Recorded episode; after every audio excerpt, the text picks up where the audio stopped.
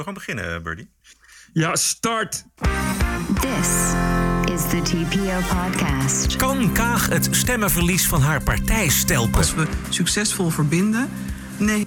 De Amerikaanse grapperhaus heet Nancy Pelosi. Two briefings ago, I asked, Where is Nancy Pelosi? As you can see, we found Nancy Pelosi going into her hair salon. We will be playing the video on loop for all of you to see. En de bonusquote komt nou eens van een witte man. Albert Einstein, een witte man. Isaac Newton, een witte man. Wolfgang Amadeus Mozart, een witte man. Leonardo da Vinci, een witte man. En nog veel meer in deze aflevering 190. Ranting and Reason. Bert Bresson, Roderick Phalo. This is the award-winning TPO podcast.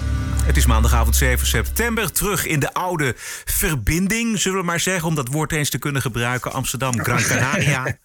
Is het al wat koeler bij Bert? Uh, het was wat koeler. Ik geloof dat het van- vanaf vandaag is het al heel eh, heet. En morgen wordt het weer nog weer een week heet. En wat is heet? Nou, nu Wat blijft, heet? het nu blijft het onder de 40 graden. Dus, voor, eh, Ja, dus het is in elk geval te doen, laat ik het zo zeggen. Oké. Oké. Het gaat hard met het aantal coronabesmettingen, vooral in Den Haag. Horeca, familiebijeenkomsten en studenten onderling zorgen voor een flinke toename. Bijna 800 nieuwe gevallen vanmorgen. Vandaag is er wegens corona ook al een streep gezet door een aantal Sinterklaas-intochten. Een aantal gemeenten dacht zo van, dat gezeik ben ik af. Ja, het is inderdaad. Dat komt, dat, komt, eh, dat komt mooi voorbij zo, hè? Het komt een aantal mensen, precies, komt er goed uit. En ik Komt dacht ook wel uit. onmiddellijk van, ja, zou het dan wel corona zijn? Eh, is het, Nou, iets, is het ja, iets het anders? ja. Die, die, die Sint komt toch altijd in november al aan, toch? Ja, ja, in november Dus ja, geloof ik, ja. Het, is, het is nu al september, dus dat snap ik dan wel weer. Ja, je moet wel maatregelen nemen. Niet in heel Nederland. En het is nog niet duidelijk wat er nou precies gebeurt met de landelijke Sinterklaas-intocht. Die door de NPO zal worden uitgezonden. Daar zijn ze nog niet uit. Dat zal ook wel een flinke discussie zijn. Maar ja, je- onder de coronaregels kun je dat gemakkelijk eh, afketsen op dit moment. Dus Even de vraag hoe we er in december voor staan. Maar Ja. Ja. en je bent dus wel ook van al die demonstraties af. Ja. Dat soort gebruik. In één klap. Gewoon van ja, waarom zou je gaan demonstreren als er geen intocht is? Gewoon niks. Nee, nee, precies. En misschien is het wel goed voor de discussie gewoon even een jaartje helemaal even Ja. niet. Dat vind ik dus ook. Echt serieus. Dat vind ik dus Ja. ook. Dat is ook een beetje wat corona tot nu toe heeft opgeleverd. Dat mensen ook eens hebben kunnen zien hoe dat is. Om soms gewoon eens een jaartje even dingen niet te doen. Ja, precies. Even rust in de Ja, tent. De kook eraf. Zoals, Ja. zoals thuiswerken. En dat blijkt aan heel veel mensen wel te bevallen. En heel Ja. veel bedrijven ook. Dus je denkt van, goh, wat leuk. Berichten uit 1884. Hebben we eindelijk 2100 bereikt. Ik bedoel, en dat is bij Sinterklaas ook. Je zult zien dat als ze nu Sinterklaas-intochten afschaffen... Dat, dat iedereen dan zegt van... ah, misschien kunnen we eigenlijk gewoon helemaal die Sinterklaas-optochten afschaffen. Oh nee, ik dacht even een jaartje. Gewoon, ik dacht even een jaar niet. En dan kijken hoe het met de discussie is. Dan hebben we het er Ja. waarschijnlijk bijna een heel jaar niet meer over gehad. En dan, Precies. dan kijken hoe dan de vlag erbij staat. Precies, en dan is iedereen het wel een beetje vergeten. En, eh, ja. Ja. lekker toch? Ja, precies. Afgelopen dagen eh, twee namen, vooral in het nieuws. Aquasi en Sigrid Kaag. Met wat ik haar heb zien optreden in Buitenhof en op haar eigen congres... vond ik het toch eigenlijk niet sterk. Terwijl ik een zwak heb voor die vrouw, omdat ik er een keer heb mogen interviewen. Eh, maar ik vond het allemaal niet overtuigend. Kan een beginnerskwestie zijn. Als de peilingen laten zien dat sommige mensen zich zorgen maken over de kosten van het klimaatbeleid, hm, dan wakker je onrust aan over de wetenschap. Als de peilingen laten zien dat sommige mensen zich zorgen maken over de Europese economie, nou, dan maak je de Italianen toch verdacht. Als de peilingen laten zien dat sommige mensen geen prioriteit zien in het uitbannen van institutioneel racisme, dan zeg je dat Zwarte Piet alleen maar een traditie is. Ja, ik begreep er allemaal niets van. Ik begrijp het ook niet. Ik Wat begrijp wil ze helemaal niet. zeggen? Ja, ik denk, moet je dan eh, je geen zorgen maken over de kosten van het klimaatbeleid? Of moet je je dan niet zorgen maken over de Europese economie of over het verdwijnen van het Sinterklaasfeest? Wat, wat wil Maar- ze hier nou precies mee zeggen? Maar het is de schuld van de peilingen, zoiets. Of wat? Nou, als ik het goed begrijp, en dat blijkt ook uit haar gesprek met, eh, moeilijke gesprek trouwens, met eh, Pieter Jan Hagens bij Buitenhof, is dat zij zegt. eh, andere politici, mijn collega's, kijken te veel naar de peilingen. En als er in de peiling opeens iets staat over dat mensen zich zorgen maken over de kosten van de klimaatmaatregelen, dan moet je die klimaatmaatregelen nog een keer gaan uitleggen. En niet meteen terug zeggen, eh, terugtrekken en zeggen van nou, eh, misschien klopt het wel niet. Ik weet niet precies wat ze ermee bedoelt met, met de wetenschap in, in twijfel trekken. Maar ik denk, neem aan dat ze, dat ze op, eh, op Baudet en consorten Precies. duidt. Maar Dit, dit, is, dit is een antipopulistische ja, koer. zoiets. Ja, ja. Want dat is typisch, dat is inderdaad wat deze school heel lang heeft. Want het is inderdaad altijd met thema geroeptoeter. Als reactie op de peilingen. Ons van D66 wil graag eerst twee keer nadenken. Dat, dat idee. ja, en drie keer uitleggen eventueel. Maar niet, maar, en één keer stemmen per vier jaar. Maar vooral niet terugtrekken. Vooral geen rekening houden met wat er leeft in de samenleving. Vooral geen referendum. Nee, en vooral geen referendum, want dat is natuurlijk de peiling der peilingen. En daar, daar wil D66 absoluut niet. eh, Nee, de burger moet gewoon. eh, Kijk, de burger, voor Kaag is die burger gewoon een last. Die, die, die, eh, die, eh, die, de, de, de grandioze, eh, feilloze koers van D66 alleen maar, alleen maar schade kan toebrengen. Dus als die burger zich nou gewoon eens afzijdig houdt en luistert naar, naar de elite van D66, dan kan het alleen maar goed komen. En, ja, dat is een beetje wat Kaag hier, hier doet. Ja. Hoe ver staat de partij onder Kaag niet verwijderd van eh, de partij onder Van Mierlo, de oprichter van D66? Dat is ongelooflijk, toch? kun je ja, diametraal. Kun je diametraal verwijderd staan? Maar ook van het tegenover. Diametraal het tegenover. Ja. De, de- Van Mierlo, de partij die is opgericht om juist je oor te leggen bij eh, de wensen van, van de mensen. Middels een referendum onder andere. Maar gewoon die politieke vernieuwing. Dit is gewoon weer helemaal terug naar de oude regentenpolitiek van, nou, van voor Thorbecke nog, zeg maar. Ik denk, ik denk, en dat heb je niet van mij, maar ik denk dat Vermilo weer terugkomt. Nee, dat, dat, dat denk ik. Dat is nog nooit eerder gebeurd dat doden weer terugkwamen. Maar hier is toch wel grens overschreden. Ik denk dat zou, zou zomaar kunnen dat hij weer terugkomt. Dat zou zomaar kunnen. Eh, wa- wat ik ook eh, mooi vond in het eh, zaterdag in de, in de speech van Kaag was de geweldige tegenstelling opnieuw tussen verbinden en uitsluiten. Nou ja, eigenlijk horen ze heel erg bij elkaar.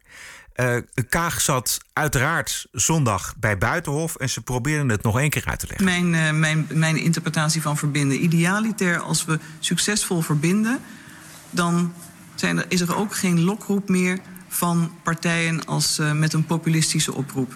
Het Ja, tweede is, dat- natuurlijk. Dat is natuurlijk een utopische gedachte. Nee, nou, realiteit, kijk naar Ja. de politieke realiteit en ook de maatschappelijke Ja. realiteit in Nederland nee. Dat is niet verbinden. Dat is wat anders. Nee, maar goed, er zijn dus grenzen aan wat je kunt verbinden. En er zijn ook grenzen Ja. aan wat u Ja. wilt verbinden. Maar er zijn, er zijn nou, u, ik denk, ik, ben, ik, eh, ik kijk anders naar verbinden en samenwerken. Een samenwerking met partijen die zichzelf, wat mij betreft, uitsluiten omdat zij bevolkingsgroepen uitsluiten of dat ze ehm, ehm, vrouwen op een bepaalde manier bejegenen, ehm, antisemitische uitspraken eh, in hun groeperingen circuleren, xenofobie. Dan sluit je jezelf al uit. En dat staat verre van verbinden. Wat we moeten doen is kijken hoe we de samenleving weer sterker kunnen maken. Waarbij iedereen erbij hoort, maar ook Ja. voelt dat ze erbij horen. Oké.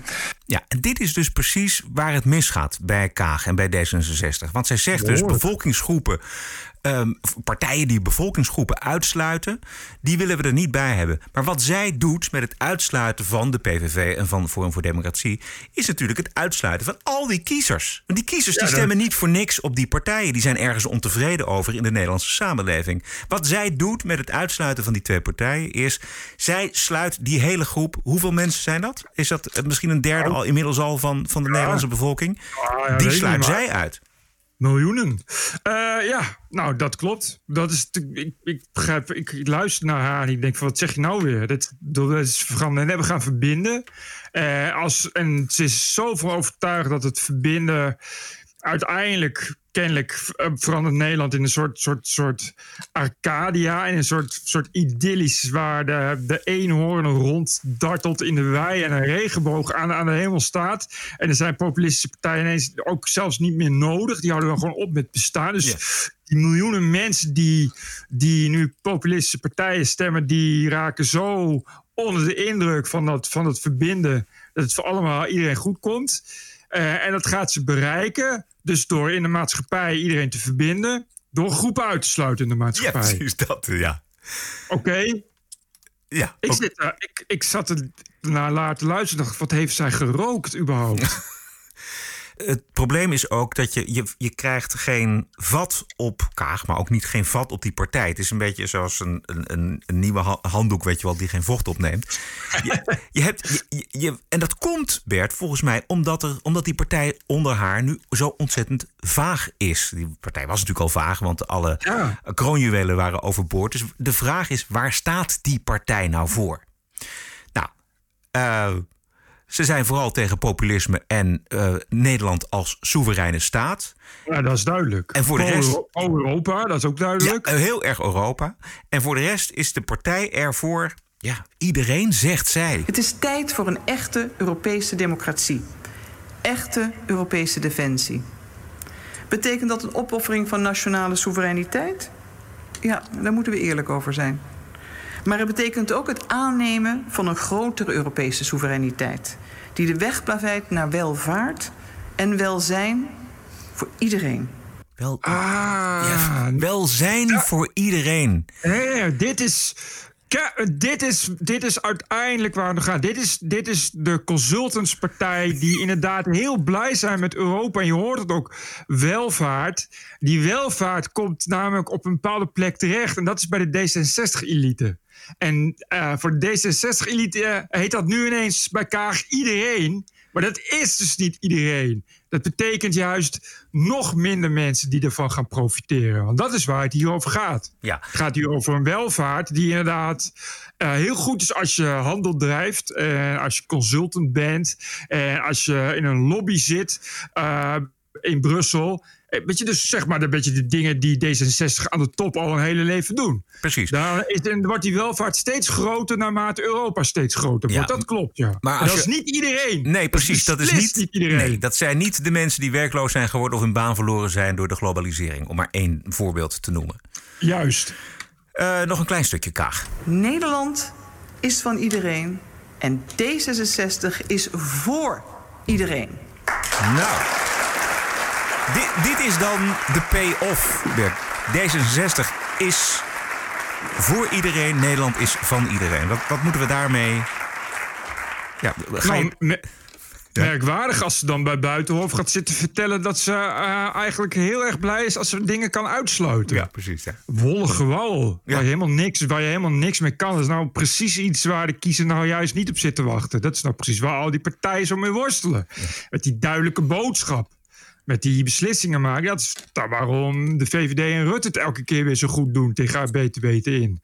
Omdat ze met duidelijke boodschappen komen. Ja, precies. Kom er maar met één of met twee of drie duidelijke boodschappen. Dit is niks. Nee, dit is, wat is, wat is het voor, dit is gewoon een laffe twat. Weet je, we, voor iedereen en we verbinden door iedereen. En maar we gaan wel mensen uitsluiten. Maar dat is, niet als uit, dat is niet als uitsluiten bedoeld. Het is ook een soort verbinden. En we moeten vooral soevereiniteit opgeven. Dat is nou echt waar Ja. Nederland de laatste maanden of de laatste jaren echt op heeft zitten wachten. Want het aantal eh, EU-critici wordt volgens nog alleen maar groter, niet kleiner. Ik weet niet of eh, mevrouw Kaag dat überhaupt weet. Want kennelijk houdt ze ook niet zo van peilingen. Ik heb een beetje het idee dat ze ook niet zo van onwelgevallige kritiek houdt. Nou is dat op zich prima om je eh, eh, oren, dicht oren en ogen dicht te houden voor alles en iedereen waar je geen zin in hebt. Alleen het is handig als je de politiek ingaat en je wil zetels halen, dat je dan ook een beetje weet hoe het ervoor staat in een land. Ik heb niet het idee dat mevrouw Kaag daar helemaal van op de hoogte is. Ik zie haar ook niet in, in fel debat met een Wilders. Of met een, Nee. hè? Of met een, met een Baudet. nee. Wat, wat Pechtold je- natuurlijk heel goed kon. En dat heeft hem natuurlijk heel veel zetels opgeleverd. Juist. Maar dat zie Maar ik eigenlijk niet doen. Nee, dit is, maar dit, dit is, die gaat gewoon weg dan. Weet je, dan, dan krijg je, dit, is, dit is nou bij uitstek iemand die straks weer eh, cordon sanitair gaat invoeren. Ja. En dat soort gelul. Ja. Dan krijg je weer, krijg je weer Jan Maat. Het is echt de beste manier om PVV naar de 68 zetels te helpen. Ik denk het ook, ja. ja. Zullen we even kijken naar ehm, eh, wat we nog te zeggen hebben over eh Aquasi? Want zaterdag in het AD had hij opeens toch maar weer een interview. Ik bedoel, eh, wij besteden er aandacht aan, maar hij, op een of andere manier lukt het toch ook hem Ja. om de media voortdurend ehm, Merkwaardig, op de stoep te hebben. Ja.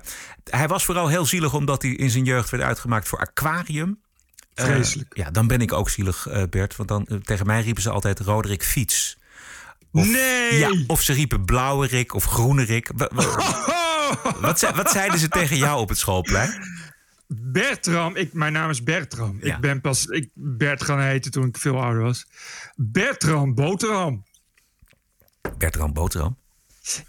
Ja, I don't know. Eh, dat is echt, heb ik een miljoen keer gehoord. Eh, en verder Woefdram. Dat is voor de jonge kijkers was een karakter in de Fabeltjeskrant. Dit, wa- dit was het wel En- een beetje. ja. En dat deed pijn ook? Nou, vreselijk. Ik zei jammer dat het AD mij niet vraagt. Anders had ik dan graag even verteld over hoe erg het was dat dan de hele klasje uitlacht. En hoe je dat dan toch nog vandaag nog voelt, begrijp je wel? Minstens zo eh, feestelijk waren natuurlijk de oude tweets die van Aquasi naar boven kwamen uit 2012 en 2009. Yep. Eh, dat was best wel pittig. Ehm, daarin heeft hij het over Zwarte Piet. die- eh, Ik zal het even voorlezen. Wa- Wat lok ik uit als ik een Zwarte Piet vermoord? Zwarte Piet moet dood, man. Serieus. Gaat er iemand ooit nog een Zwarte Piet neerknallen of moet ik het doen? Kan iemand Sinterklaas dit jaar van die boot schieten? Ik leg 500 euro op zijn hoofd. En natuurlijk zijn damschreeuw. Dat in november dat ik een zwarte piet zie, ik trap hoogstpersoonlijk op zijn gezicht. Ja, jij vond dat in de tijd nog wel eh, kunnen Ik om... ben, eh, ik ben, ken ik even daarbij. eh, Ik had nog nooit van die hele aquatie gehoord. Tot aan dat moment. Dat is voor de duidelijkheid. Eh, ik vind, eh, eh, ik ben de enige in Nederland die het voor me opnam. Om wel om de reden dat ik inderdaad vond dat als je rapper bent, dan moet je zoiets kunnen zeggen. Ook wat hij de hele tijd zelf heeft gezegd. Maar ja, dat is als je nu ziet wat hij in 2012, wat acht jaar geleden is, kennelijk al schreef over Sinterklaas en Zwarte Piet. is dat natuurlijk ineens Maar moet- in een ander daglicht. Ja, maar moet je dat dan erbij halen? Is het, is het, dat is wel echt acht jaar geleden. Nee, maar je kan natuurlijk niet volhouden dat je alleen maar een woordkunstenaar bent en alleen maar overdrachtelijk dingen bedoelt. Als je kennelijk ook al eh, eerder. Dat zie je natuurlijk wel wat serieuzere dreigementen tussen. Ja, zeker. Ja. Zeker in die tijd, want het was in die tijd nog helemaal niet. eh, nog helemaal niet. eh, was in 2012 volgens mij überhaupt nog niet. eh, we begon nog maar net het Zwarte Piet-debat. Ja. Dus die uitspraak op de Dam dit jaar, die is wel degelijk ernstig. Nou, Kom je nee, daarvan kijk, terug? Nou, nee. Kijk, luister. Ik, het punt is dat hij natuurlijk alleen maar zegt... Het, het gaat alleen om dit... Hij, om de uitspraak... Trap ik hem in zijn gezicht. Dan denk Ja. ik, nou, nou, nou, nou. nou. Ik heb wel... eh, ik denk dat eh, eh, op geen stijl elke dag wel ergere uitspraken staan. Weet je wel? Dus daarom ook, dacht ik ook van... Ja, ik snap, niet, ik snap de opwinding niet zo. Ik bedoel, als Nou ja, je trappen, echt- iemand echt, wil die trap in zijn gezicht is echt wel dat je eh, oproept Ja. van nou, dat, dat- dat- laten we ons. Hij, zie je een zwarte Piet, maai hem dan neer en trap hem in zijn gezicht. Nou ja, maar vind ik goed, toch wel gewelddadig en dat lees ik niet op geen stijl. Nou ja, ik kijk, nee, nee, ja, nu niet meer. Maar ik bedoel, ik, vroeger eh, zeiden we ook uh, geef hem een nekschot en weet ik veel Ja, wat. ja. Nee, ja, ik, ik bedoel, dit is een dergelijk cynisme is volledig aan mij besteed. Ik doe de hele dag niet anders. Ja, dan niet in het openbaar, maar in de appgroepen waarin ik zit. Maar misschien is was het dit niet toch, cynisch bedoeld, misschien was dit wel gewoon serieus Exact. bedoeld. Ja. Ja, maar kijk, en hij zegt dan daarna van, nou, ik ben een rapper, dus ik doe dit soort dingen. En zeg ik, oké, dat begrijp ik, ben ik mee eens.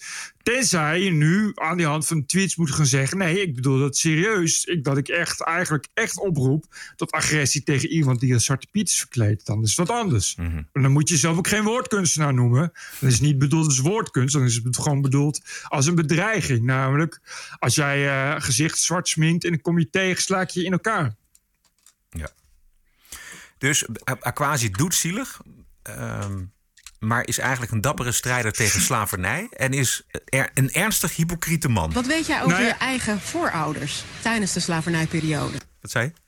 Nou, ik wilde zeggen, eh, ik vind wat die, wat de, die tweets, die tonen aan, dat gebeurt er ook. Dan haalt hij ineens zijn account weg. En eerst zegt Oh ja. hij, ja, nee, ik, ik weet niet, het zijn niet mijn tweets. En dan moeten dus mensen eerst nog gaan aantonen dat het zijn tweets zijn, wat dan gewoon kan. Want dan zat er gewoon in de, in de cache ergens opgeslagen.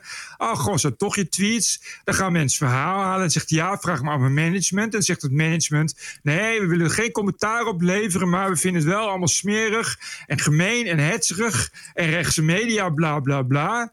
En dan ineens haalt hij zijn account weg, dus dan weet iedereen, het waren wel degelijk je tweets. En je hebt er wel degelijk geen antwoord op. Dat is ontzettend dom. En dat wekt heel erg de schijn dat hij dat inderdaad toch wel eh, destijds gemeen heeft bedoeld. En daar toch wel een hele gemene ondertoon over, eh, onder heeft. En, en ja, ik, ik, dan denk ik van ja, weet je, uh, je, je moet.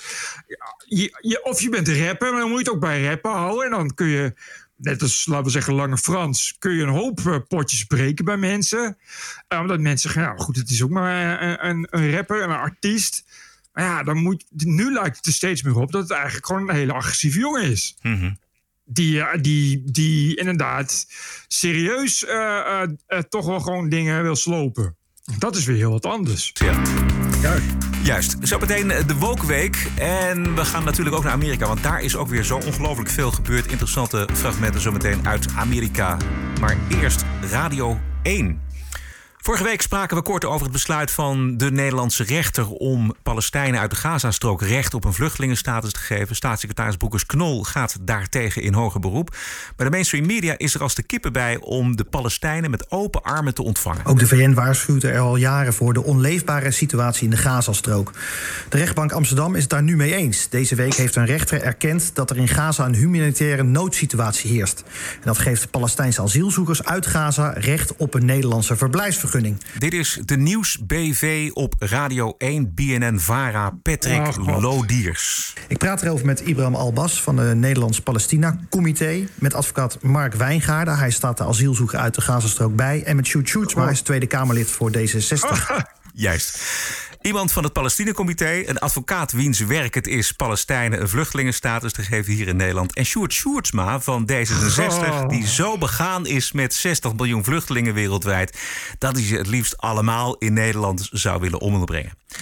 Kortom, drie mensen met exact dezelfde mening. Mag jij horen hoe dit gesprek op de nationale publieke omroep Radio 1 waar dat op uitdraait. Uh, meneer Albas, het begin bij u. U bent zelf Palestijn en u heeft nog veel familie in de Gazastrook. Hoe is die situatie daar?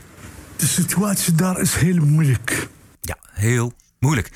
Klein stukje geschiedenis. In 1967 veroverde Israël de Gazastrook op Egypte. In 2005 ontmantelde Israël alle nederzettingen en vertrok uit de Gazastrook. Twee jaar later won de terreurorganisatie Hamas de verkiezingen in Gaza en voert daar sindsdien een schrikbewind en staat allerlei splintergroeperingen toe, raketaanvallen, benzineballonnen en terreuracties uit te voeren tegen de Israëlische buren aan de overkant van de grens. Daar zou Patrick Lodiers een vraag over kunnen stellen. De vraag is, doet hij dat? En is het in al die jaren steeds slechter geworden? Het is al die jaren steeds slechter geworden. Nee dus. Dan Sjoerd, Sjoerd Sjoerdsma van D66. Op zich een goede gast, deze Sjoerdsma, omdat hij in het gebied is geweest. Hij kent Gaza en kent ook Israël als Nederlandse diplomaat. Dus de situatie is onhoudbaar, meneer Sjoerds. Maar ja, u heeft ook lang uh, gewoond en gewerkt in Israël. U heeft de situatie in Gaza natuurlijk ook gezien. Wat, wat voor een indruk heeft het bij u achtergelaten? Ja, ik, ik werkte daar inderdaad als diplomaat uh, in Jeruzalem en moest regelmatig naar Gaza vanwege de projecten die de Nederlandse overheid daar financierde. Uh, zowel via de VN-organisatie UNRWA, maar ook rechtstreeks met een aantal Palestijnse boeren. Kijk, en hoe het op mij overkwam destijds, en dat was in 2011, 2012, en toch ook al een aantal goede jaren geleden is dat Gaza de grootste openluchtgevangenis ter wereld is. 40 kilometer bij 10 kilometer, weliswaar met uitzicht op zee... Uh, maar wel met een zee die wordt verpest door de open riolering... Die de, het open rioolwater wat erin stroomt... en aan eigenlijk alle andere kanten van die strook ja, muren... En ik denk uh, dat de vorige spreker dat helder uitlegde. Het is, het is natuurlijk heel perspectiefloos om in zo'n omgeving te wonen... waar drie uur per dag elektriciteit en water is... en waar je geen baan kan hebben, waar je gewoon feitelijk ja, moet, moet lummelen om je tijd te verdoen. Uh, en dan moet hopen dat je overleeft. Want als je ziek bent, heb je ook een groot probleem. Goed, geen medische voorzieningen dus. Open riolering, geen werk, geen draaiende economie. Dit zou het moment moeten zijn om Sjoerdsma iets te vragen over de verrichtingen van het Hamas-bewind in de Gazastrook. De vraag is, doet Lodiers dat ook? Ja, en de Verenigde Naties verklaren dus in 2020 dat het eigenlijk een ja, onbewoonbaar gebied is, de Gazastrook. Ja, dat is denk ik uh, een, een van de meest treurige constateringen slash uh, voorspellingen die, die door de VN zijn gedaan over een gebied wat natuurlijk eigenlijk helemaal niet arm is. De mensen in Gaza zijn over het algemeen hoog opgeleid. Het is een hoogopgeleide jonge bevolking. Ah, kijk, daar zijn ze weer. De apothekers, de hoogopgeleide mensen die in Nederland asiel moeten krijgen volgens mm Sjoerdsma. Mm -hmm. tot aan de nok toe gevuld met Israël en jodenhaat. Maar daar maakt niemand zich druk over op Radio 1. Mark Wijngaarden, u bent advocaat. U staat de cliënt bij in kwestie... waarvan de rechter nu heeft geoordeeld dat hij recht heeft op een Nederlandse verblijfsvergunning. Uh, u, u, uw advocatenkantoor vertegenwoordigt ook nog andere Palestijnen... die gevlucht zijn uit de Gazastrook. Deze uitspraak van de, van de rechter, hoe bijzonder is die? Nou, hier laten we het even bij. Maar dit zijn dus drie mensen met drie exact dezelfde meningen over één zaak. Het verbaast mij nou niet echt dat uitgerekend in dit programma dit soort verschrikkelijke propaganda uh, uh, de eter in wordt geslingerd. Dit is drie gasten uitmelken, laten leeglopen op wat de redactie al weet wat ze gaan zeggen. Dus daar heb je me een vooropgezet doel. Nou is ja, dat niet dit... zo bijzonder natuurlijk in heel veel dat, dat gebeurt voortdurend. In, in, de hele journalistiek gebeurt het. Maar het wordt gebracht bewijzen van journalistiek, bewijzen van een, een brede uitleg van het probleem. Drie mensen, drie dezelfde meningen. Nee, dit is zelfs denk ik voor, uh, voor BNNVARA uh, uh, standaarden toch wel echt heel forse propaganda. Het zou goed kunnen dat het gewoon ingekocht is door Hamas of zo. Het probleem hè, natuurlijk met dit soort dingen is dat het publieke radio is. Dat jij en ik daar, oh nee, ik niet, gelukkig. Dat jij daar aan mee moet betalen. Uh, en dat is natuurlijk een, probleem wat steeds groter wordt en wat zich steeds meer manifesteert. Want je kan wel de hele tijd zeggen dat je NPO divers is, dat het namelijk ook, wat namelijk ook in, een hoop gevallen ook zo is. Maar ja, je hoort natuurlijk alleen vooral dit soort dingen. En dat komt doordat dit soort uh, programmamakers en dit soort omroepen er al lang geleden mee gestopt zijn met ook maar überhaupt objectiviteit te veinzen. Dus ja het is verschrikkelijk natuurlijk als je dit soort shit hoort en je bedenkt je dat je hieraan moet meebetalen. Dat het, dat het toch al exorbitante salaris van Patrick Lodiers, die al, al 100 jaar een exorbitant salaris krijgt op kosten van de belastingbetaler, nog steeds op kosten van de belastingbetaler is, terwijl je dit, naar dit soort verschrikkelijke poep moet gaan zitten luisteren. Ja. Dat is echt verschrikkelijk. Ja, nou, ik, ik, kijk toch ook al wel eventjes iets verder dan Lodiers zelf, want dit is natuurlijk ook een redactie van de Nieuwsbv die dit verzint. Zo gaat dat gewoon. Er is natuurlijk een, een aanleiding, dat is namelijk die uitspraak van die rechter. En vervolgens is daar een redactie die zegt: Oké, wie, wie, gaan we daar, ja, wat gaan we doen met het onderwerp? Nou, we gaan vooral laten horen hoe erg en verschrikkelijk het is daar in de Gazastrook. Ja, het, ja, maar... het, precies hetzelfde gebeurde met de, de, de Nederlandse getrouwde vrouwen, IS-vrouwen in, in uh, Syrië en in Irak. Het is gewoon ook intellectuele luiheid, een journalistieke bagger. Ze moesten dat hele Radio 1 moest ook met een bulldozer de zee inschuiven. Oké. TPO Podcast. Het is tijd voor de Woke Week. We gaan kijken wat er weer uh, gebeurd is uh, op dat gebied. Uh, laten we beginnen met het goede nieuws. De BBC heeft bakzeil gehaald en gaat toch in muziek en tekst met Land of Hope and Glory en Rule Britannia The Last Night of the Proms eindigen. Uh, de nieuwe dirigent is een groot fan van Black Lives Matter en vond de nummers te nationalistisch en wilde ze eerst helemaal schrappen. Nou, uh, toen alleen de tekst, geloof ik. Maar nu blijven ze toch helemaal intact. En voor zolang het duurt natuurlijk, want uh, misschien heeft het een paar jaar nodig, zoals bij ons Zwarte Piet aan zijn einde komt. Dat, dat, dat duurt gewoon ja. een paar jaar. Nou, de, de, de U-turn van de BBC komt nadat premier Johnson heeft opgeroepen om een einde te maken aan de orgie van nationale schaamte. Voorlopig kan er dus nog uit volle borst meegezongen worden met deze werkelijk prachtige traditie. En als ik zeg uit volle borst, dan bedoel ik ook uit volle borst. Doet u maar.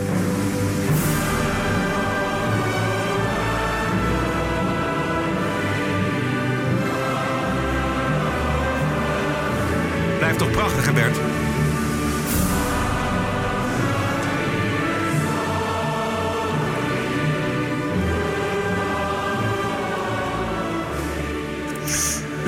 Het is hoopgevend. Ja, en hoop, precies. Is overal om ons heen aanwezig. Luister maar.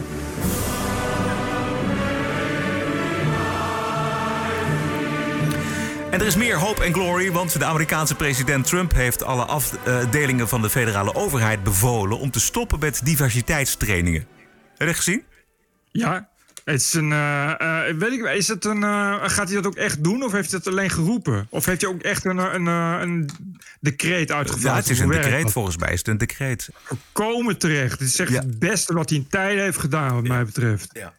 ja. Ik ben echt. Ik, ik, Ik ben echt, het is echt, echt, het is zo kwalijk en zo slecht. En het tast gewoon alles aan. En het is alleen maar gelul. Het is gewoon alleen maar gelul. Ik vind echt critical race theory, is een soort misdaad. Die moet je gewoon verbieden. Ja, vorige week hebben we het uh, genoemd. Het, het, boek van de onderzoekers van de woke-cultuur Lindsay, uh, James Lindsay en Helen Pluckrose. Cynical Theories. Die gaat daarover. Ik kreeg een aardige mail van Heerko Groenewegen... met een verwijzing naar een goed interview met James Lindsay. Uh, Bert, ik heb twee fragmenten uit de podcast van Tom Woods. Dus een Amerikaanse libertariër. Yes. de fragmenten waar wokeness in de kern over gaat. Dit, dit gaat over een studie naar minder valide en gehandicapte mensen. En dit is hoe de woke-cultuur invalide misbruikt voor identity politics. Luister naar James Lindsay. When we see things like wheelchair ramps, when we see things like handicapped parking spaces, those uh, sidewalk bricks that have the texture so that blind people can follow them. When you go to, to cross the street and you press the, the button at the crosswalk, and it makes a noise so that they because they can't see the crossing light but they can hear um, when you have closed captioning for the hearing impaired. These are efforts that society can take in order to increase increase disability access. And almost everybody thinks yep that was a good idea. That was a really good idea. Disability studies started there and went nuts. They decided instead that we need to see it that society has all of the responsibility for dealing with disabilities. So in their view a person is not disabled to say because they're deaf or because they're blind or because they're missing a limb or whatever else leads to their disability status. The person is disabled because society isn't accommodating them. Therefore, society is the thing that's disabling them. And society is therefore responsible to take every conceivable measure, not every plausible, not every affordable, every conceivable measure to make their disability irrelevant, or else society is the disabling entity or agent. And that's the way that disability studies sees the world. And uh, they then take it further because everything becomes identity politics. And they start to say that people who have various disabled identities need to put that identity first. They need to identify as a deaf person who has a culture around them of deaf people, a deaf culture that they are a part of, which is then going to be seen in the identity political way like a tribe just like you know you hear people say the black community well there's the deaf community. And when they say that they often mean a politically active sort of way to be used for identity politics.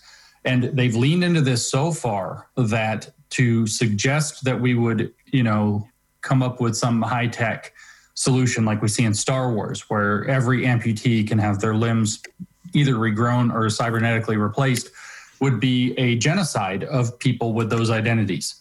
They've literally jumped the shark completely. So, by putting the responsibility 100% on society to accommodate, and then to see the identity itself as something that needs to be leaned into, which when you say, okay, deafness, blindness, you know, if people choose to want to not have medical interventions, that's fine.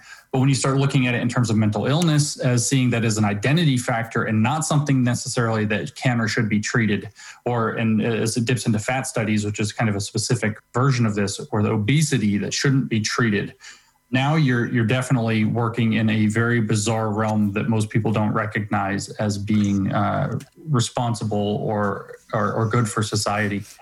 Yeah, Ja, ja ik, je hoort toch uh, wat hij beschrijft. Het is toch gewoon uh, een misdadig regime wat hij aan het beschrijven is. Ja. Stel je, je, je vindt iets uit waardoor blinden weer kunnen zien. Dat mag dan niet. De, nee, mengelen ben je dan. Want dan doe je, Ja. uh, ja, dan doe je aan, aan genocide. Gehandicapte Ja. genocide. Omdat eh, de, er bestaan geen handicaps. Nee. Dat is een sociaal construct. Ja, precies. Nou ja, nee, het is knettergek. Echt gek. knettergek. Ja. Ik, ik, ik- en, en dat is dus heel gevaarlijk. En, dat, zie je nu, dat, dat zie je nu ook ah, aan continu dat gelul over body positive. eh, en, dat je, en geen fatshaming. Dan krijg je mensen die... Kennelijk bestaan die, obesitas-studies. Die zijn gewoon hoogleraren obesitas-studies. Maar dit even terzijde. En dan krijg je dus gelul dat je dat, je dat niet mag zeggen dat het ongezond is. Wat het wel is. Wat nog veel beangstigender is, is dat het zo diep al is, ehm, heeft, heeft plaatsgenomen in die Amerikaanse samenleving. Ja. Maar dat krijg je als je mensen de hele tijd gaat indoctrineren op kosten van de staat. Dat is precies. Dus En, ja. en de angst voor mensen om uitgemaakt te worden voor racist of voor, Ja, voor iemand ja. die, die genocide pleegt. Het is toch wat we, wat vorige keer eh, lieten horen. Eh, Zo'n filmpje van een, van, een, van een Black Lives Matter mop... die, die restaurantgasten bestormen... en zeggen dat je je vuist omhoog moet steken... uit solidariteit met Black Lives Matter. Ja, zeg, steek jij maar eens je vuist niet omhoog... als er dan eh, eh, eh, 68 eh, woedende, woedende mensen... Op, op 30 centimeter afstand van je staan te dreigen. En zo is dit precies zo. Weet je, dit komt, je werkt bij de overheid eh, als, als een leuk ambtenarenbaantje. En je krijgt gewoon de opdracht dat je je moet laten brainwashen in een of andere waanzinnige, totaal waanzinnige cursus. Ja, zeg jij maar eens dat je het er niet mee eens bent. Je weet dat, je, dat elk verweer is ook racisme. Is erkenning van je racisme zelfs. Ik heb nog één fragment dat gaat hierover. Het gaat over waarom de woke-revolutie met zoveel geweld en intimidatie... Juist, precies, intimidatie gepaard gaat. The problem is, is that the people driving the ideology believe that the only way, and I mean only way, not, no compromise, no debate, no discussion, no half measures, to literally quote Hitler, the only way that we can achieve improvements in society is by burning down the old world and building a new one on its ashes. That's a phrase that is literally being used to describe what's happening in cities like Portland and cities like Kenosha, Wisconsin, to, to burn down the old world and build a new one on its ashes. And if you wonder, yes, this is the Marxist vision that we have to, to build the new world in the shell of the old one after uh, it, it's been overthrown. And they, they make this very explicit. They say that the system even if no people are, are racists, no people have racist intentions, no people have sexist intentions or misogynistic intentions, no people hate or hate women or any of this, the system itself remains racist, white supremacist, sexist, misogynist, and the until the system itself is fully remade, and this refers to the knowledge system, the language system, the institutional system, every conceivable facet of our society, until it is completely disrupted and dismantled, and then uh, remade anew with a critical consciousness, it will be impossible to create the necessary reforms. So this is the the intentions. I believe the people who are pushing it believe this, but what they believe is freaking horrifying. Hij drukt het nog mild uit. Ja. En dat, dat is een van de. Het, het, het, de adder onder, de, onder het gras bij deze uh, kritische theorieën. Is juist dat het inspeelt op mensen. Op, hun, op een goed gevoel van mensen. Want mensen natuurlijk vinden mensen dat iedereen gelijk behandeld moet worden, et cetera. Precies. Dus, dus daar tunt het op in. Maar de, de, de leiding van deze woke-revolutie is horrifying. Nou ja, je hoort hier toch gewoon Pol Pot, of wat? Ja, zeker. Niets anders dan dat. Als we, nou, ja, is, bedoel, het is echt precies hetzelfde. Als we allemaal op het, allemaal op het land gaan werken, dan krijgen we een hele nieuwe maatschappij die, die, die zalig is. Dan moeten we dus, dat hoor je net ook zeggen, dan moeten wel wat dingen voor gebeuren. Je moet dan wel met, met geweld, moet je mensen met brillen, moet je dan, uh, moet je dan weg, uh, moet je dan executeren. Intellectuelen. Maar daarna werkt iedereen op het land, dan komt het allemaal goed. Ja. Dit, dit, is, dit, is, dit is gewoon communisme, gewoon Precies. in de praktijk. Totale afbraak naar nul. Hetzelfde. En dan uh, gaan we iets nieuws bouwen, zogenaamd. Ja, en die totale afbraak naar nieuw, dat lukt alleen door alle elementen eruit te snijden. Ja.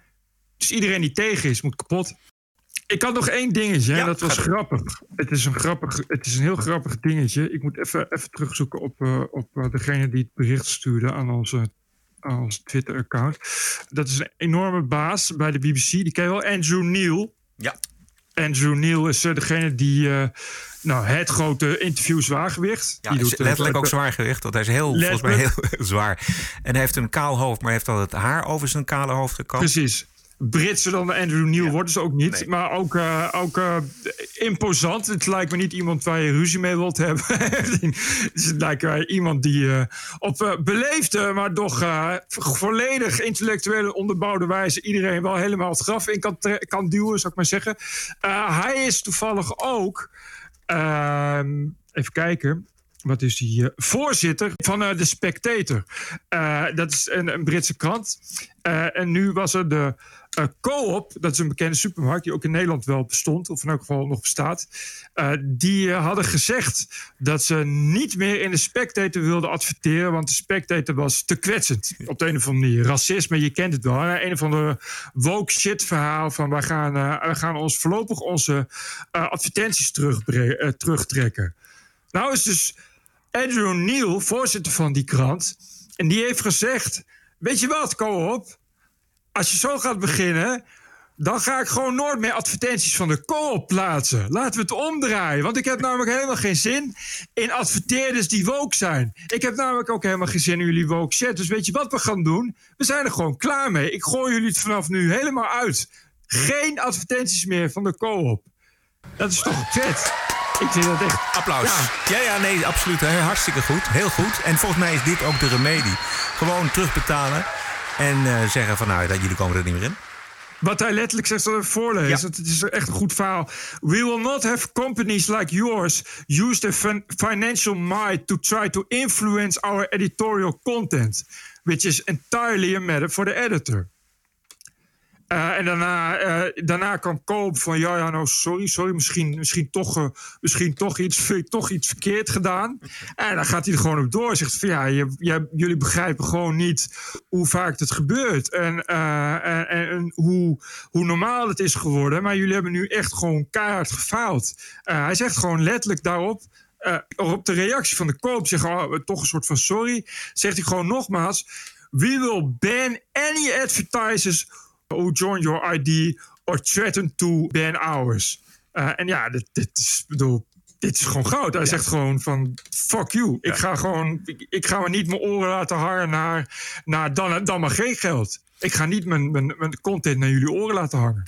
Ik vind het geweldig. Ik hoop dat er nog een, nog een miljard Andrew Niels opstaan. Die in, dit, is, dit is hoe het moet gaan. Dit is ook eh, hoe een hoofdredacteur, hij is nog geen hoofdredacteur, maar, maar hoe, hoe, hoe de content van je blad geleid moet worden. Namelijk door te zeggen: ik laat me niet intimideren of bang maken. Het gaat om journalistiek en dat, daar gaat het om. En het is leuk als we daaraan verdienen. En je kan niet dreigen door, door te zeggen: je krijgt geen geld meer. Daar kun je, niet, je kan die content kun je gewoon daar niet van laten afhangen. Dat kan gewoon echt niet. De TPO-podcast. Een eigenzinnige kijk op het nieuws en de nieuwsmedia. Elke dinsdag, elke week, het hele jaar door. Zonder reclame, zonder een cent subsidie. 100% onafhankelijk.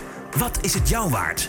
Word lid van de TPO-tribe. Kies zelf een bedrag of kies 52 euro per jaar. En dat is maar 1 euro per week. De TPO-podcast. Wat is het je waard? Ga naar tpo.nl slash podcast. En wil je je donatie toelichten? Heb je commentaar? Ons e-mailadres is info.tpo.nl. Zometeen eh, de feedback mail, noemen we het maar. Ehm, maar eerst even een dienstmededeling over de podcast Pubquiz. Want de nieuwe streefdatum was vrijdag 18 september. Maar we gaan opnieuw verplaatsen. Ik zal het even uitleggen. Het heeft natuurlijk alles te maken met de stand van zaken rondom corona. We hebben ongeveer 90 aanmeldingen die op anderhalve meter van elkaar moeten blijven. Dan heb je niet alleen een flinke ruimte nodig, maar mensen kunnen ook niet gezellig bij elkaar zitten. En ik weet niet of je dat eh, D66-congres afgelopen zaterdag hebt gezien. Nee. Nou, nou, dat wil je niet. Nog even los van de D66-leden, die natuurlijk ook van harte welkom zijn op de pubquiz. Maar eh, we willen gewoon vooral een gezellige pubquiz en geen superspread-event. Iedereen met een aanmelding die heeft inmiddels bericht gehad van Jeroen en Maarten, die de pubquiz organiseren. Dus dit uitstel is absoluut geen afstel, maar, want die pubquiz die gaat er gewoon komen, maar wel gezellig en veilig voor iedereen. We keep you posted. Ja, Bert. het is gewoon een kwestie van wachten, zou ik zeggen. Ja, precies. Eh, ik heb drie inzendingen. Waarvan één eh, een oude. Die was blijven liggen, kennelijk. Oh, oké. Eindelijk eens gedoneerd. Dank voor jullie geluid. Ga zo door. Ik ben een vrouw van 43. Luister wekelijks naar jullie podcast. Vaak op de fiets naar mijn werk of tijdens het klussen of sporten. Nooit tijdens mijn werk, want ik wil alles goed kunnen luisteren. Mijn man luistert ook naar jullie vanaf het begin. Het levert mooie gesprekken op thuis. Willen jullie hem de groeten van mij doen? Maar haar, man heet Mark, net als dat je dat vroeger via de radio deed. Oh ja. Nou, Mark Groeneveld, de groetjes van Mariette Groeneveld. Hartelijke groeten, Mark. Mannen bedankt, ga zo door, Mariette Groeneveld. Leuk, leuk. Eh, Erwin Garts. Hoi, opnieuw een donatie van een tientje. Kunnen jullie misschien meer de tijd nemen om uit te zoeken waarom die veelpleger in Alkmaar met zijn 600 incidenten, daar hadden we het vorige week over, niet gewoon steeds twee jaar wordt vastgezet, want daar zijn regels voor. Weet zo'n agent dat dan niet? Nou, we zullen het uitzoeken. Ga zo door, Erwin. Erwin Garts. Eh, de laatste is van Frank de Bruin. Hallo heren, sinds enkele weken geniet ik wekelijks van jullie uitzendingen. Het fas- fascineert me hoe jullie de gevestigde orde, mainstream media en dominante cultuur analyseren en bekritiseren zonder direct mee te gaan in de soms holle leuzen van uiterst rechts. Dit brengt mij bij de volgende vraag. Denken jullie dat veel eigentijdse kwesties op te lossen zijn vanuit linkse politiek? Is het geen tijd voor een ouderwetse sociaal-democratische partij? Een partij die waakzaam is op het gebied van migratie, staat voor handhaving en orde, een realistisch milieubeleid nastreeft en pleit voor serieuze democratische hervormingen. Een partij die respectabele streven naar gelijkheid loswrikt van de huidige uiterst linkse wooncultuur en koppelt aan een gezond nationalisme. Een partij die D66 had moeten zijn, de PvdA had moeten worden en GroenLinks en de SP Noord zullen zijn. Ik hoor graag van jullie. Goed, Frank de Bruin. Om in te gaan op zijn vraag, wordt het daar niet eens tijd voor? Ja, natuurlijk wordt het daar tijd voor. Maar ja, kennelijk is er geen, geen doelgroep voor. Ik bedoel, eh, de wereld eh, zoals die nu is, is, is verdeeld in loopgraven op links en rechts. Dus, en wat je nu hoort zijn dingen die. Wa- wat hij voorstelt zijn dingen die eh, daarin niet passen. En het is dus al ook geprobeerd. Het was het idee van de PvdA. Dit was het idee van D66. Weet je wel? Ik ja, dat werkt dus niet in de praktijk. Ook denk omdat eh, de huidige democratie. daarin passen dat soort dingen niet. En je moet daar ook te veel concessies doen, bijvoorbeeld. Eh, je moet eh, in je verkiezingsstrijd te veel doen om je zetels te behouden, om maar eens wat te noemen. Maar ik zou zeggen, Frank, eh, eh, wat let je? Ik- Een sociaal-democratische partij oprichten. ja, ja, nee, precies. Maar dan heb je het al. Ja, wat, wat, dan moet je een sociaal-democratische partij oprichten. Maar ja, die hebben we al. Ik zit te denken, als je de Partij van de Arbeid, de oude Partij van de Arbeid zou hebben, zeg maar uit de jaren, begin jaren. Ja, ja, onder, onder Kok nog, zeg maar. Een beetje de, de pragmatische Partij van de Arbeid, laten we het zo zeggen. En je hebt de achterban van de PVV. Dat zijn toch ook allemaal, ja, toch ook allemaal vroegere sociaaldemocraten volgens mij. Althans een groot gedeelte. En je hebt de SP. Ja, dan heb je volgens mij eh, in, in, in een fantasie kun je daar al een hele grote sociaal-democratische partij van maken. En dan, Ja. en dan doe je daar eventueel nog GroenLinks bij. Maar dan, dan moet je dus af, volgens mij, van dat, al die ideologische verschillen. En dat is het probleem. Ja, dat is het probleem, precies. Ja. Je kan, je, je kan En die, die identiteitspolitiek die, die de boel Precies. helemaal verziekt. Precies, want hij zegt een partij die het streven naar gelijkheid losbreekt van de eh, linkse wooncultuur. Maar dat is dus wat je er niet meer van loskrijgt. Ja, dat is, dat is, dat is het hele probleem. Het hele probleem is, is een identiteitsprobleem. Nou ja, daar, daar, moet, daar moet je het mee doen, jongen. Sterkte, Frank. Ah, waar had je nog meer, Bert? Nee, dit was het. Oké. Wilt u ook ondersteuner worden van de TPO-podcast? Dat kan voor een euro per aflevering. Dat is 52 euro per jaar. Of een bedrag naar eigen keus. Kijk op tpo.nl slash podcast. Wilt u uw donatie toelichten? Dat vinden we leuk. E-mailadres is info.tpo.nl This is us. This is our country. This is CNN breaking news. I believe that the president is literally an existential threat. Stop the hammering out there. Who's got a hammer? Make America great again. New York Times and CNN have also smeared veterans like myself. This video was taken during a heated exchange with an unidentified man who called Cuomo Fredo. Stop the hammering. This is the TPO podcast. News 630 WMAL, Washington. Amerikaanse soldaten die sneuvelen in oorlogen zijn losers en suckers. Dat zou Donald Trump hebben gezegd volgens een stuk op de Amerikaanse website The Atlantic. Hij zou vaker denigerend en laaghartig praten over omgekomen soldaten. Bezoek aan de militaire begraafplaats bij Parijs zou niet zijn doorgegaan omdat zijn haar niet tegen de wind kon. En hij zou hebben gezegd: Wat moet ik op een begraafplaats die is gevuld met losers? In het stuk wordt ook nog herinnerd aan zijn uitspraak dat John McCain geen oorlogsheld was, omdat hij in 1967 gevangen werd genomen door de Noord-Vietnamezen in de Vietnamoorlog. En zo is het stuk een opsomming van respectloze opmerkingen over militairen. Rampzalige publiciteit op een slecht moment. Maar de vraag is: klopt het allemaal? En de auteur van het stuk, Jeffrey Goldberg, uh, moet gezegd worden, is een gerespecteerd journalist. En die Atlantic is ook een uh, weliswaar progressief, maar toch gerespecteerd medium. Um, Bert, ja, de zwakte van het stuk vind ik uh, de anonieme bronnen waar het op gebaseerd is. En het gebrek aan wederhoor en het gebrek aan context. Oh, anonieme bronnen, weer anonieme bronnen. Ja, nou ja, dat is op zich is daar ja, niks mis mee. Alleen je weet niet, de lezers kunnen niet controleren of dit bronnen zijn, welke reden zij hebben om dit te zeggen. Precies. En Trump heeft nogal wat vijanden. Dus ja, Trump ontkent natuurlijk in alle toonaarden. Dat, dat spreekt vanzelf. De eerste reactie was van Trumps voormalige perschef Sarah Huckabee Sanders. Donald Trump has the greatest amount of respect for the men and women of our armed forces. I've traveled all over the world with the president and watched him interact with men and women of our military. I've seen him fight to make sure that they have the resources they need. I've also sat in the room when the president had to make the most difficult calls of his presidency. When he had to let a parent know that their son had been killed in the line of duty. That's a call no president wants to make.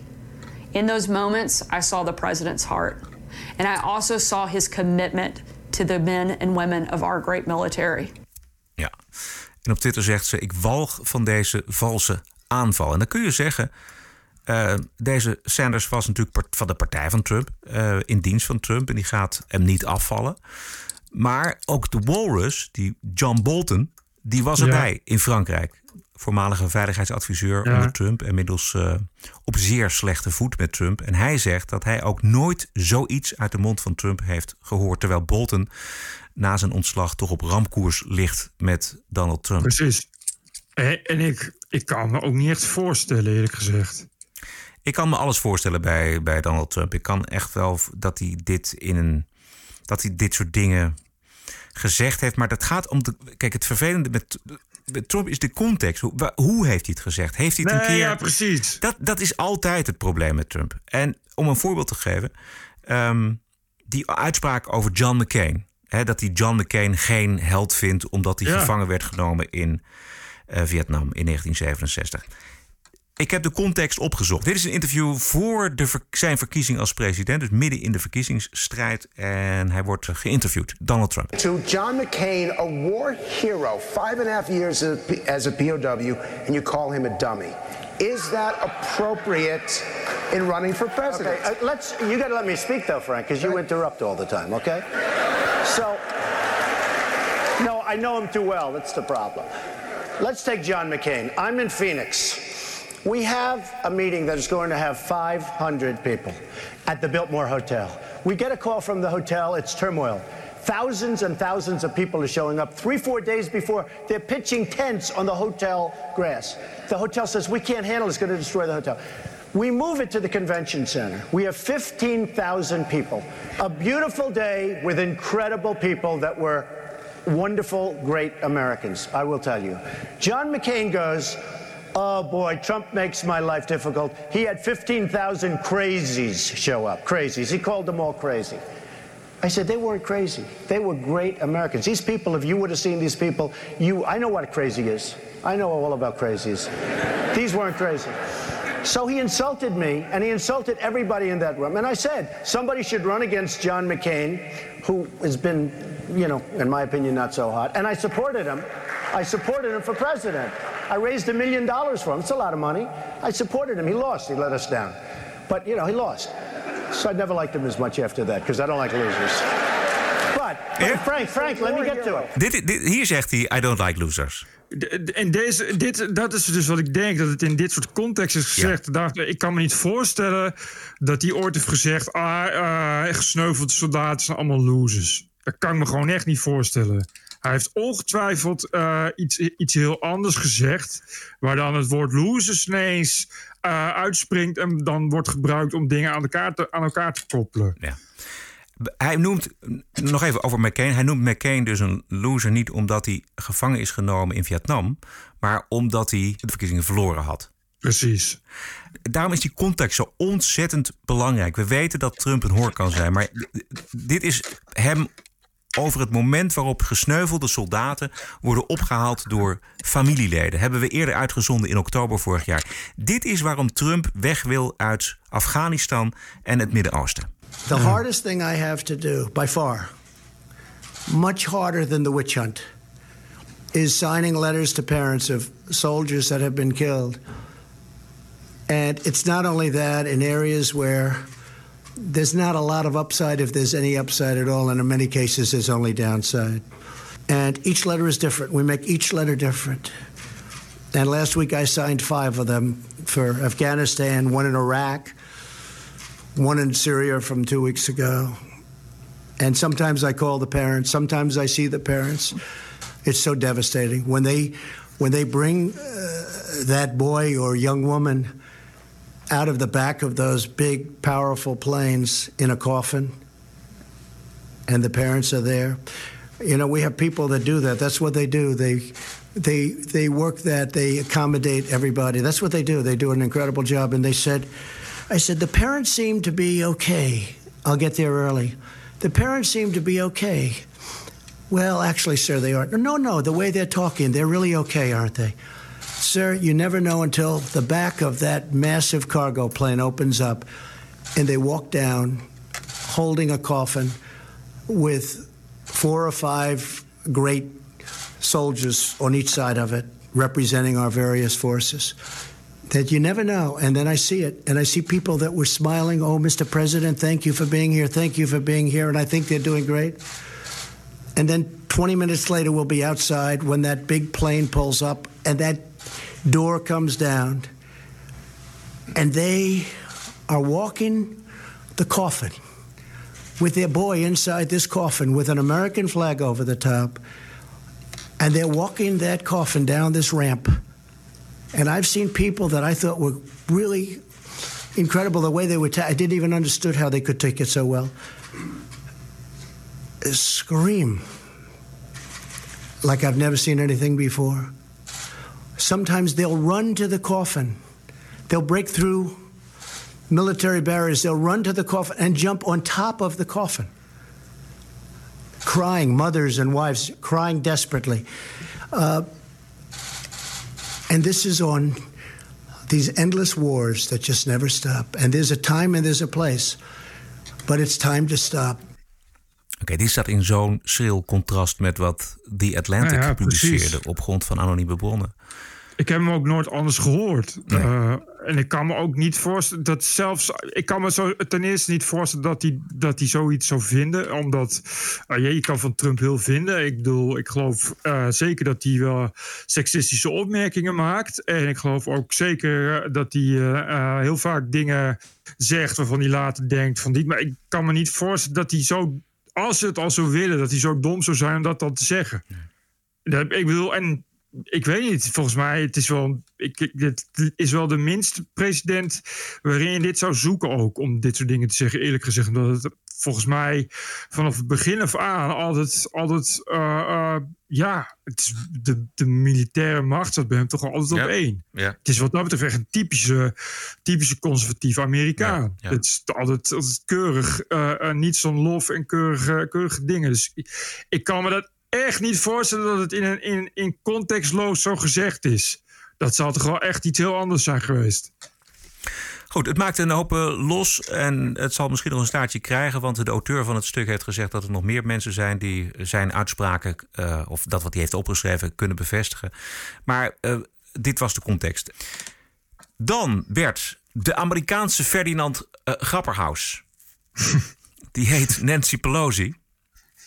Ja. Te- tegen alle coronaregels in van de staat Californië eh, ging het opperhoofd van de Democraten zonder mondkapje eh, de haar en de nagels doen in een, eh, een. Eh, dat werd gefilmd door de bewakingscamera. Het bandje werd naar Fox News gestuurd en het werd een explosie in het gezicht van Pelosi. No, I've been there many over the years. I've been there many times. I appreciate I appreciate the question, and let me just say this: I take responsibility for trusting uh, the word of a neighborhood salon that I've been to over the years many times, and that um, when they said, well, we're able to accommodate people one person at a time, and that we can set up that time, I trusted that.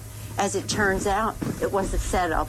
So I take responsibility for falling for a setup. And that's all I'm going to say on that. Anything else? Can you expound on the Excuse me? I said that's an answer I'm going to answer. I'm all, that's all I'm going to do.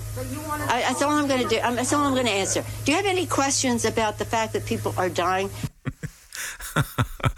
dit, kwam, dit zo slecht uit. Maar Bert, die, die kapsalon-eigenaresse... dat is of een enorme grote Trump-fan... of ze heeft een tyfushekel aan eh, Madame Pelosi.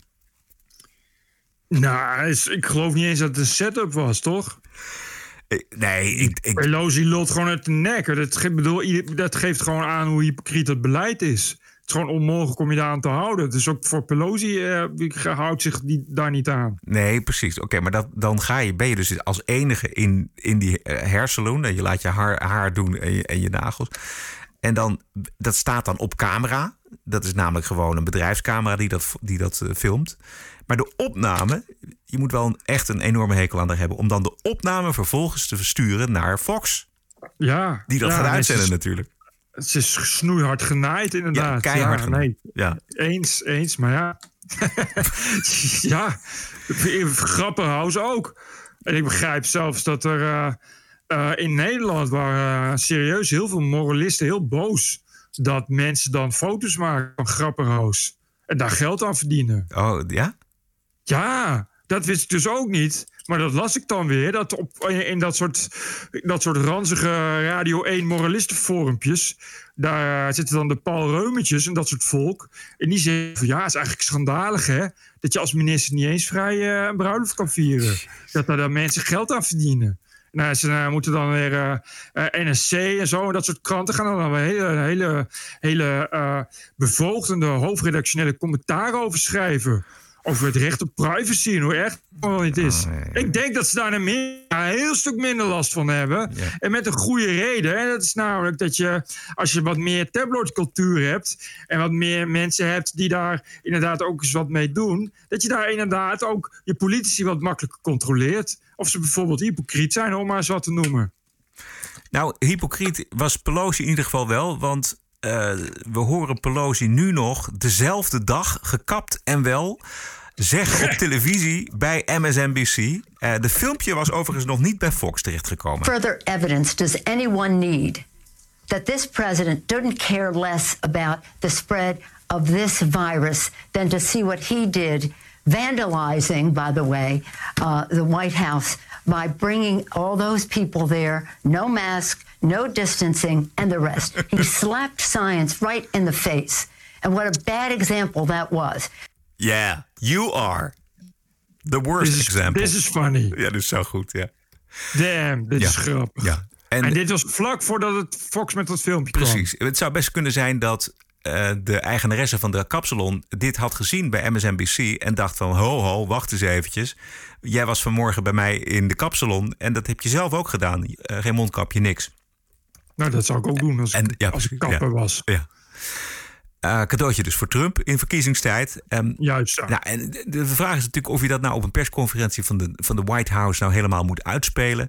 Dat is de vraag. Maar eh, die Kayleigh McEnany, die doet het gewoon. Good afternoon, everyone. Two briefings ago, I asked, Where is Nancy Pelosi? Today, I can announce we have found Nancy Pelosi. Um, as you can see, we found Nancy Pelosi going into her hair salon. We will be playing the video on loop for all of you to see during the duration of this introduction. Nancy Pelosi was not in the halls of Congress when I asked where she was. She was not working in good faith to make a deal for the American people. Nope, Nancy Pelosi was found in San Francisco at a hair salon where she was indoors, even though salons in California are not only open for outdoor service. Apparently, the rules do not apply to Speaker Nancy Pelosi.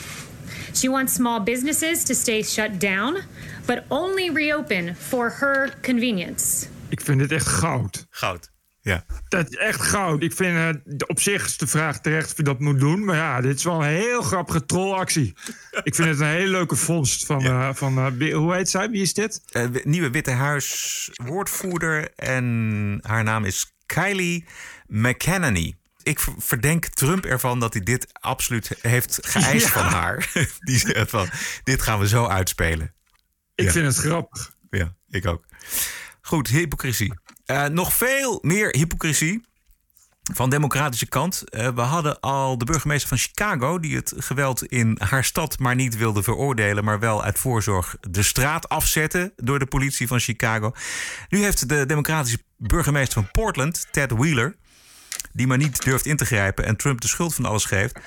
Um, uh, die heeft nu... Moet even kijken die heeft uh, aangekondigd dat hij uit zijn wooncomplex vertrekt nadat 200 Antifa-relschoppers het complex hadden toegetakeld en hadden geëist dat hij zijn ambt als burgemeester neerlegde. Portland's mayor has now reportedly told his neighbors that he is moving out of his own home because of the damage and fear that riots and protests have brought to his neighborhood. This comes after a riot on Monday night in which police say demonstrators set fires outside the mayor's condominium tower and inside an occupied building, also burglarizing a business to use furniture for fuel. 19 people were arrested in an unlawful assembly outside of the mayor's condominium building that has 114 units. Portland's mayor writes in an email to his neighbors that it would be best for himself and everyone's safety and peace that he finds a new home. Ja, als het dichtbij komt, hè, dan is het ineens wel allemaal heel anders. Ja, precies. Bert, ik heb alleen nog een bonusquote. Heb jij nog dingen waarvan je zegt dat moeten we eventjes bespreken? Ja, uh, Fidan Ekis. Oh ja. Was bij. Uh, dat is dus zo'n voorbeeld van hoe het ook kan bij de NPO. Uh, dat is een programma toch ook van BNN Vara. Ik weet ja. even niet hoe het heet. De opvolger van de Wereld Draait Door, geloof ik. De, de vooravond. Zo, zo de vooravond. Fidan en Kies en wat is het? Rens Klamer? Ja. Zoiets. Uh, zij zei gewoon hardop wat ze vond van het Wildersproces. Namelijk dat het een politiek proces is. Uh, wat het ook is. Dus het is heel goed dat ze dat zegt. nou... Ja, oh, je hebt het fragment, dat is fijn. Ja, komt ie. Daar komt eigenlijk een beetje mijn frustratie. Uh, het is ook een beetje corruptie. Uh, ik vind dat hele proces één grote aanfluiting. Omdat het een uh, politiek gemotiveerde vervolging uh, is. Het is eigenlijk een politiek proces. We weten, er zijn duidelijke aanwijzingen. De vooringenomenheid, de adviezen uh, van de, de, hoge ambtenaren bij uh, het ministerie van Justitie ja. en de minister van Justitie uh, opstelde destijds zelf, het OM hebben geadviseerd over ja. hoe ze deze man die kwaadaardige uitlatingen doet, moeten aanpakken. Ja. En ja, weet je, in een rechtsstaat die we serieus willen nemen, denk ik, waar gaat dit over? En ik denk dat mensen die destijds ook aangifte hebben gedaan, denken: zes en een half jaar proces. Mm -hmm. Wij zijn in zekere zin eigenlijk gebruikt voor een ja, politiek proces. Ja. Misbruikt zou je kunnen zeggen. Jammer. Ja. Nou, je hoort het. Dit is uh, uh, duidelijke taal en dat is heel goed. Dat mag ook wel eens een keer bij de NPO. wat je ziet gebeuren is dat de Hans Laroesjes en de Lars Duursmaatjes en de D66-types en nou ja, eigenlijk al dat moralistische pus wat uh, dagelijks door de open riolen van Twitter zwemt en drijft. Die gingen natuurlijk los. Wat schande dat zomaar iemand zomaar een mening geeft en daar is de objectiviteit gebleven. Je zou wensen dat die mensen dat ook vinden op alle andere momenten dat NPO-medewerkers laten blijken niet over objectiviteit te beschikken of hun linkse mening uiten, maar dan zijn ze stil.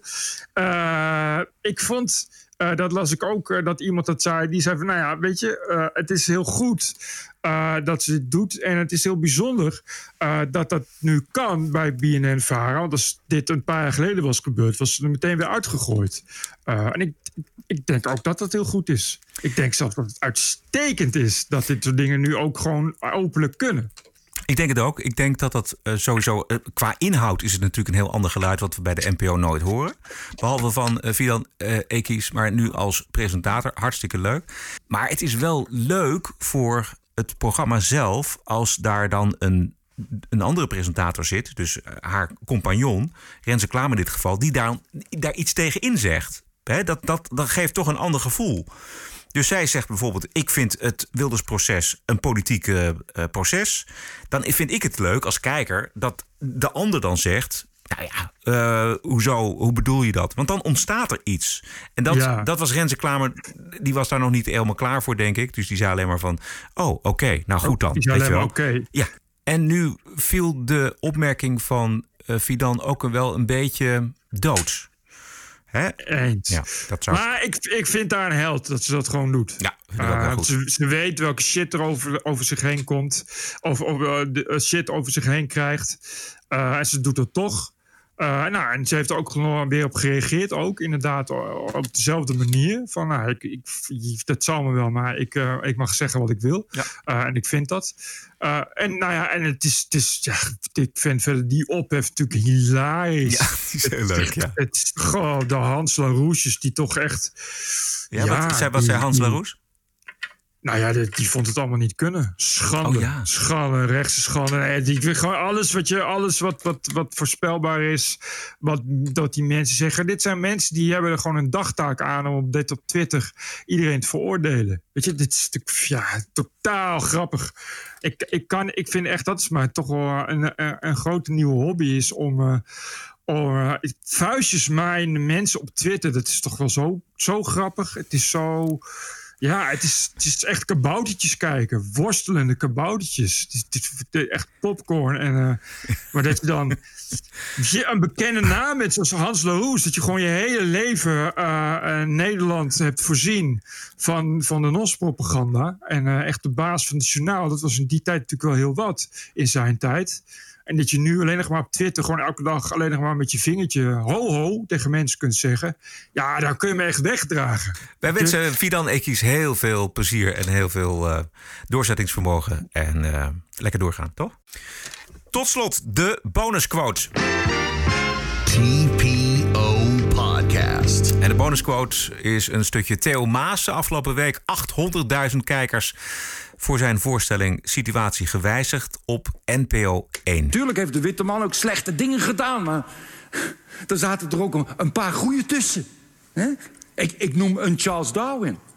De briljante bioloog die snapte dat het niet een god was die ons in een middagje in elkaar heeft geflatst, maar dat er zoiets is als evolutie en dat we afstammen van de apen. Charles Darwin, een witte man.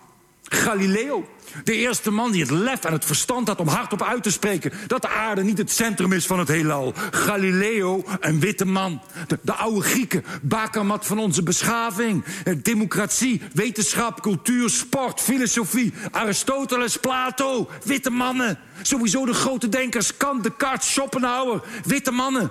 Albert Einstein, een witte man. Isaac Newton, een witte man. Wolfgang Amadeus Mozart, een witte man. Leonardo da Vinci, een witte man. Rembrandt, een witte man. Paul, witte man. Ja, kijk vooral de Ja. hele voorstelling, de hele ode aan eh, de witte man is geweldig. Hij is eh, eh, eh, al twee jaar oud en ik las in het AD, want er waren, was natuurlijk heel veel ophef over. Er waren allemaal woke- woke-figuren op Twitter die dit allemaal inderdaad niet vonden kunnen, uiteraard op televisie. Dit mag niet, dit moet worden verboden. Ik las in het AD dat toen hij in het theater was twee jaar geleden, deze show, dat NSC dus een negatieve recensie had geschreven. want racistisch, seksistisch en platvloers. Totaal bizar.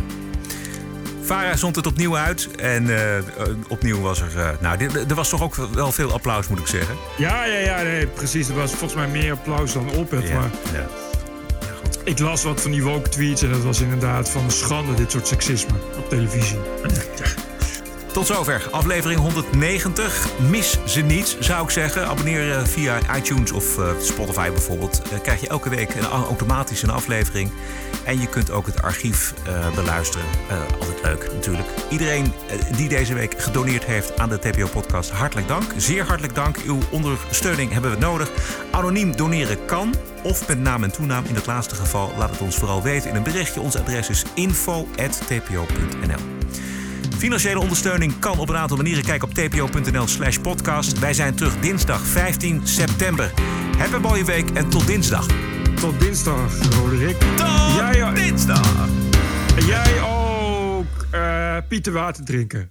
Die is fan, die luistert elke week. TPO Podcast. Bert Bruson, Roderick Balo, ranting and reason. De lijst is oneindig. De radio, de televisie, de afstandsbediening, de videorecorder, de LP, de CD, de DVD, de spelcomputer, de computer sowieso, de laptop, de iPad, USB-stick, Bluetooth, de printer, glasvezelkabel, centrale verwarming, de airco, muntgeld, briefgeld, de pinpas, de chipknip, de bril, de microscoop, de telescoop, de stethoscoop, de bioscoop, de stekker, het stopcontact, elektriciteit, riolering, het watercloset, de wasmachine, de droogtrommel, de koelkast, de diepvries. Heet niet voor niks allemaal witgoed. Alles! Podcasting is the TPO podcast in the Netherlands. Bert and Roderick. What a show. I'm telling you.